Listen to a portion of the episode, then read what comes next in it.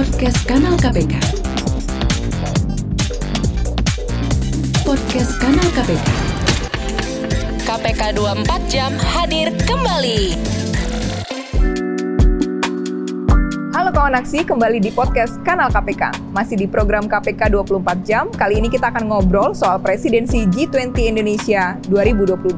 Bersama saya Kristelina dengan narasumber Wakil Ketua KPK Ibu Lili Pintauli Siregar. Ya, Ibu, sebelum lebih detail membahas tentang G20, akhir tahun lalu KPK menghadiri pertemuan sesi ke-9 Konferensi Negara-Negara Pihak Konvensi PBB menentang korupsi di Mesir. Nah, apa saja sih Bu yang dibahas pada saat itu dan apa ada rekomendasi KPK mengenai G20 ini, Bu?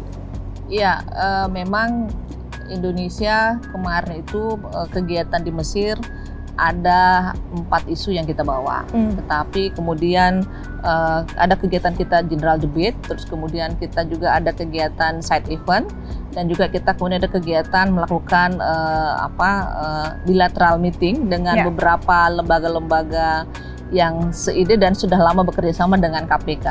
Nah terkait dengan general debate itu kita uh, ada menyampaikan empat isu, ada tiga hal terutama memang tentu dengan mengharapkan penguatan kerjasama di internasional oh. ya internasional. Nah, lalu kemudian ada tiga hal yang kita coba sampaikan karena memang pada saat itu uh, saya yang menyampaikan pidato di depan 120 negara ya oh. di 2.700 hmm. peserta yang hadir pada saat itu di hmm. Syam El Sheikh Mesir. Apa yang disampaikan? Jadi yang kami sampaikan pertama adalah bagaimana memanfaatkan teknologi ya hmm. uh, untuk uh, menangani tindak pidana korupsi. Hmm. Lalu kemudian adalah tentang uh, langkah konkret mencegah uh, apa tindak pidana korupsi dan juga bagaimana melakukan kerjasama secara internasional. Di pencegahan itu juga kita harapkan adanya dukungan untuk pencegahan terhadap uh, pihak sektor swasta. Hmm. Nah itu yang kita sampaikan pada saat itu dan kemudian memang kita dapat di giliran ke 62 dari 120 negara. Yeah.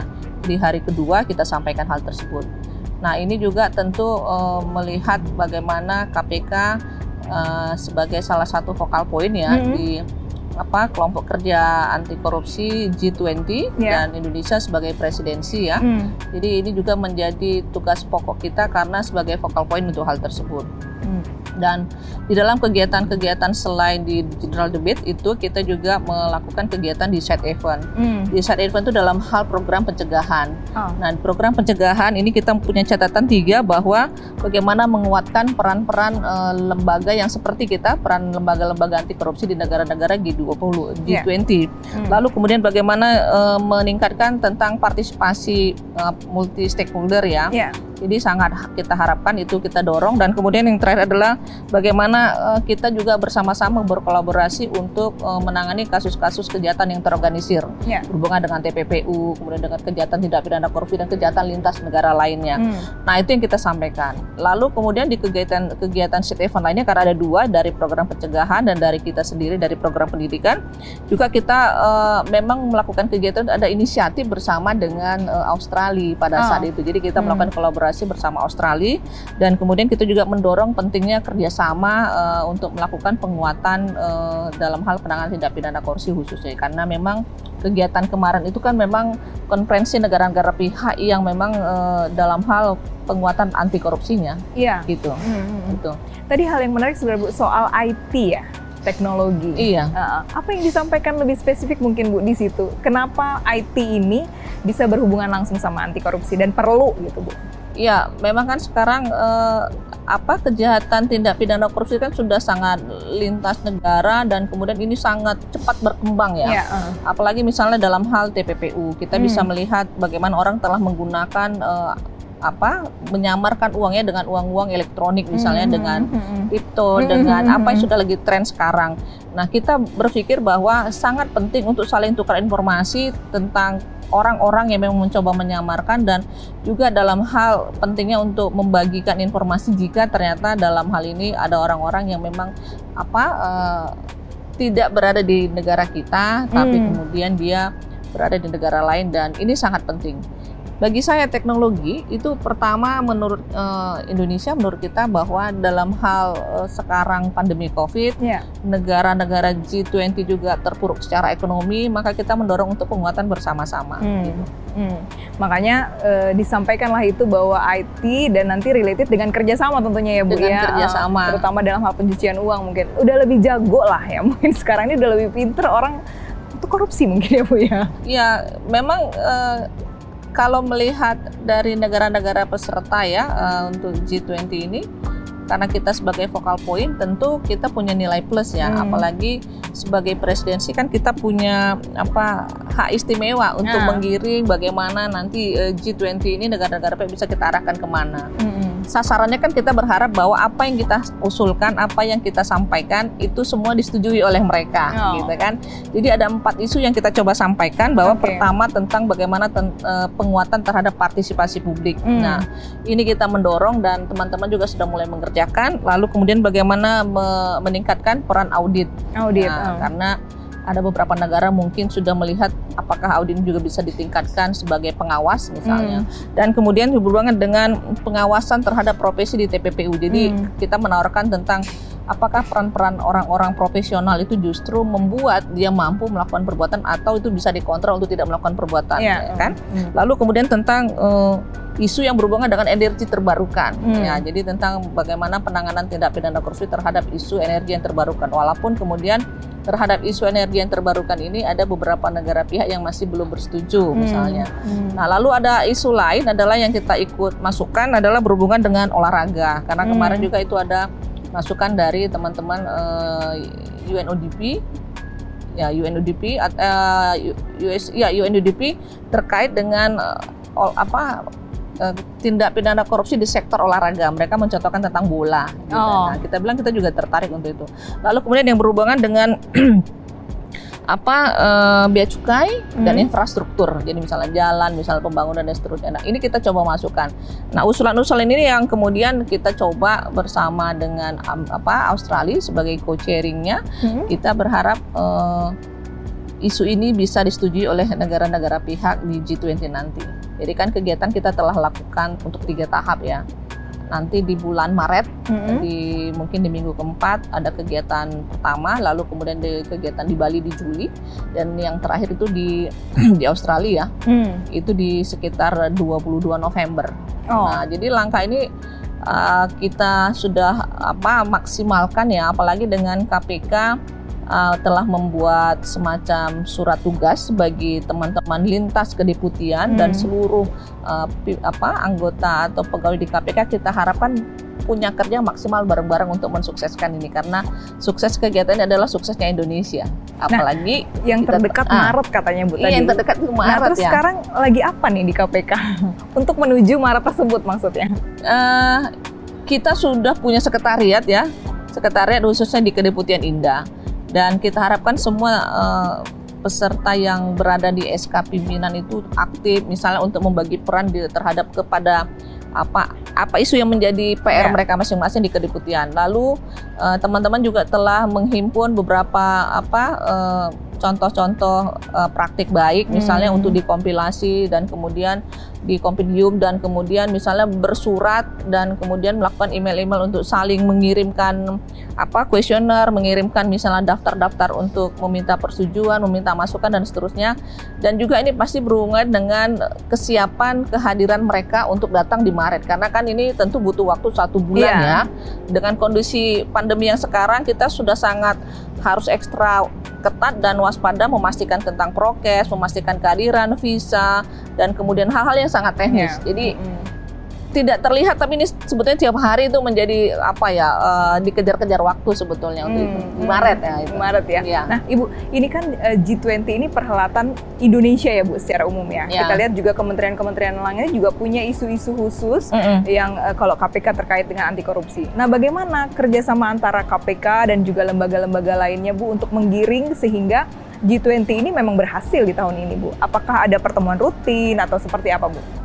Iya, eh, yang saya tahu memang karena pimpinan ini kan sebagai pembina ya di Hmm. SK itu ya. kalau pembina itu tentu saja kita memastikan uh, berupa kebijakan kepada eh, rekan-rekan hmm. yang apa bertanggung jawab untuk hmm. itu. Hmm. Nah, koordinasi dan kementerian lembaga itu ada Sherpa namanya ya. Oh. Jadi KPK sendiri diminta adalah paling uh, selevel eselon 1 untuk menjadi tim Sherpa di Kementerian uh, apa luar negeri dan kemudian beberapa kementerian-kementerian lembaga hmm. lain. Jadi hmm. misalnya dengan energi baru terbarukan ada koordinasi dengan SDM, yeah. dengan TPPU misalnya dengan Kejaksaan Agung, hmm. lalu kejahatan lintas negara misalnya dengan Mabes Polri, hmm. lalu kemudian kegiatan-kegiatan yang berhubungan dengan apa aktivitas lihat dengan kementerian-kementerian mana kita tersambung hmm. dengan Kumham misalnya. Hmm. hmm. Dan hmm. ini juga bagian dari eh, kolaborasi yang memang kita intens bersama dengan tim Serpa di Kementerian Luar Negeri. Hmm. Jadi tidak ada mungkin setiap seminggu sekali juga di KPK sendiri sudah meminta update ya kepada hmm. teman-teman. Hmm. Ini mana ini update-nya per setiap minggu sudah sampai mana levelnya, yang kompendium bagaimana, yang email-email bagaimana hmm. dan masing-masing untuk isu empat ini sudah sampai mana. Nanti mempersiapkan narasumber, mempersiapkan apa ya pembicara pembanding dan bahan-bahan masukannya. Terbayang sibuknya ya berarti teknis banget ya, teknis belum banget ya.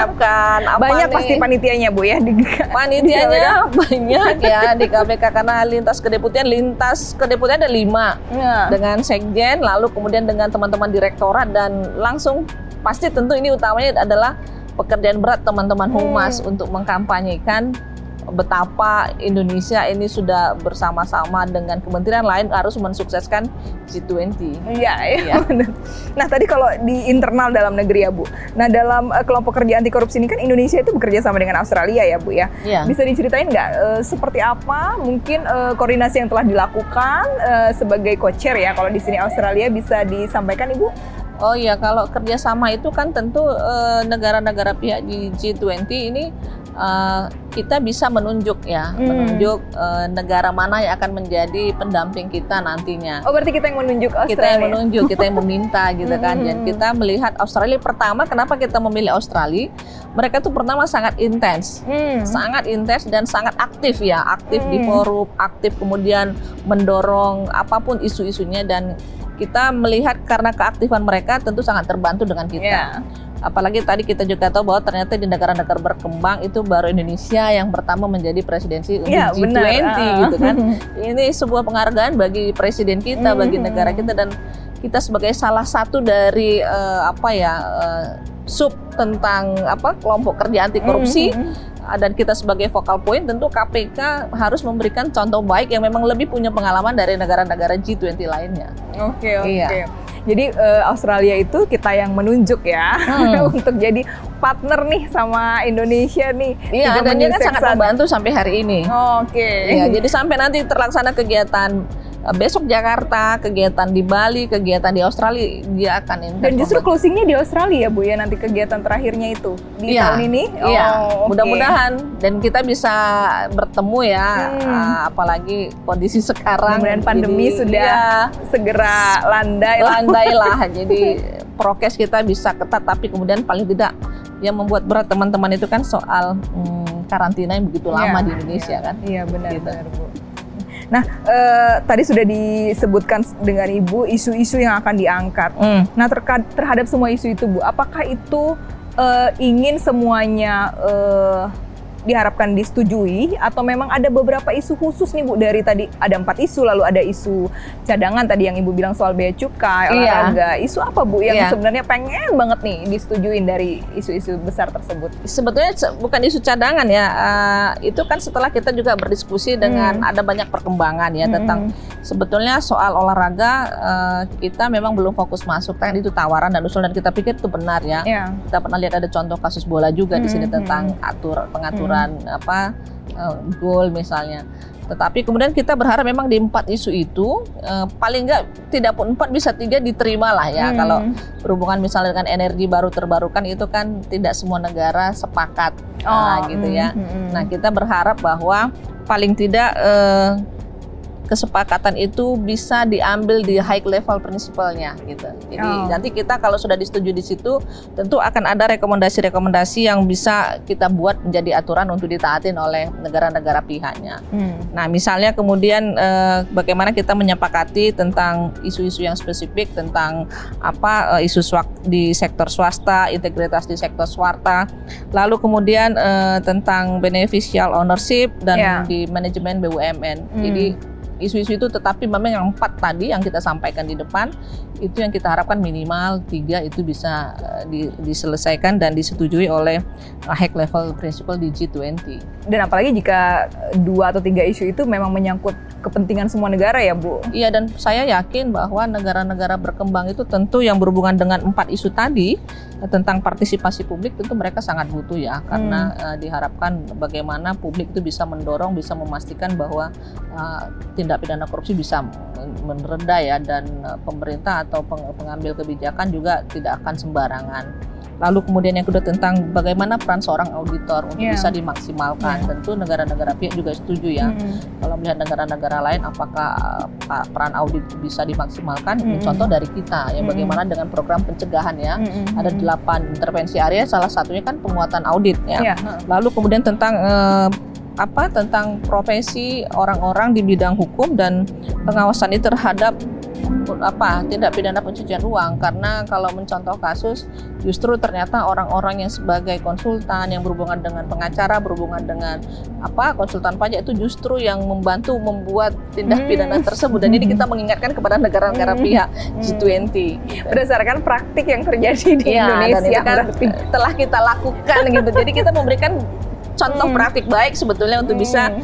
bi- mungkin bisa diimplementasikan di negara-negara pihak tersebut di Hmm. anggota G20 tentunya. Mm, mm, mm, mm, mm. Menarik sebenarnya karena isu-isu yang sudah diimplementasikan atau bahkan kasus-kasus yang sudah kita tangani malah, malah menjadi hal yang cukup signifikan untuk mereka belajar ya Bu ya, terutama tadi di soal pencucian uang dan lain-lain. Mungkin nggak sejago di sini kali untuk pencucian Iya. uang dan lain-lain. Kemarin waktu di SAMLC memang eh, teman-teman dari apa ya bidang pencegahan, Hmm. bidang pendidikan dan apa yang kita lakukan, kita juga menunjukkan eh, apa ya sukses story kita ya tentang Hmm. bagaimana mem- membuat trisula ya pendidikan, pencegahan, penindakan. Bagaimana kemudian eh, kita melibatkan be- begitu banyak multi stakeholder, Iya. bagaimana melibatkan peran partisipasi publik gitu dan Hmm.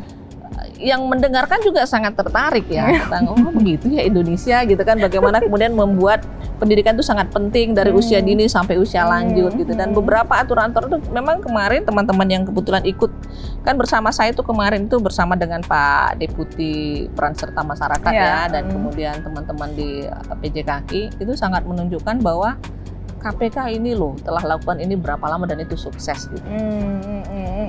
Luar biasa ya, luar, nih. biasa. KPK luar biasa saya lihat ya.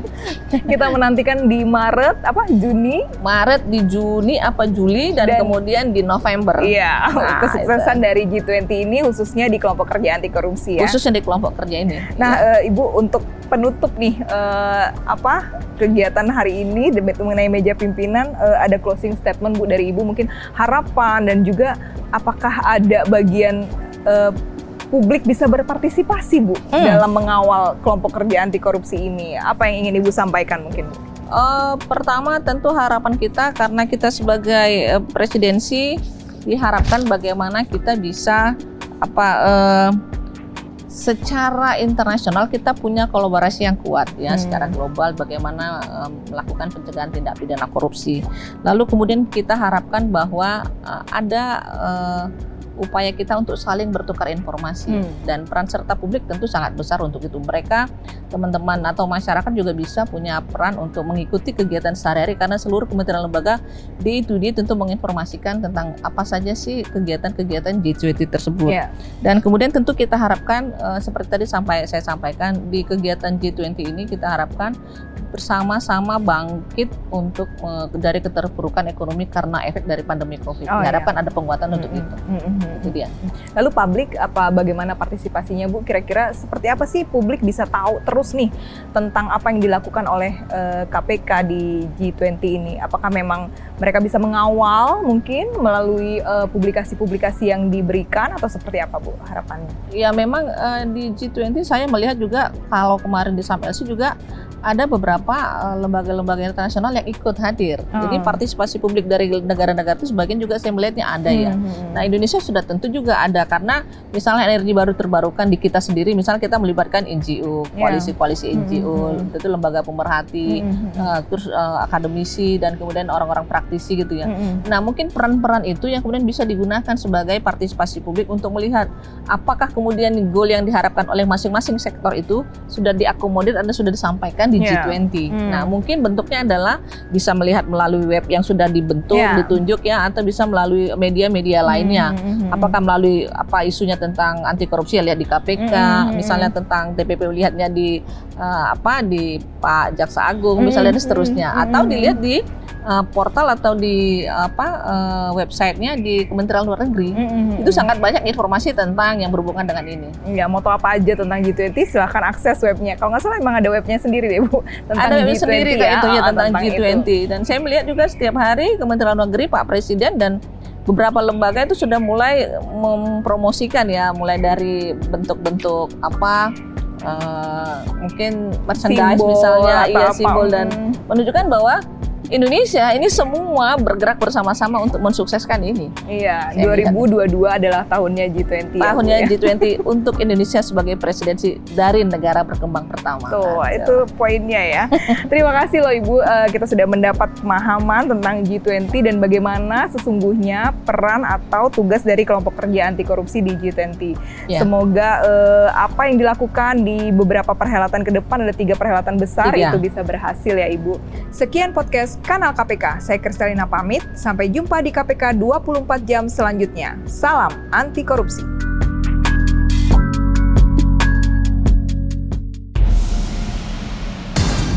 Podcast Kanal KPK. Podcast Kanal KPK.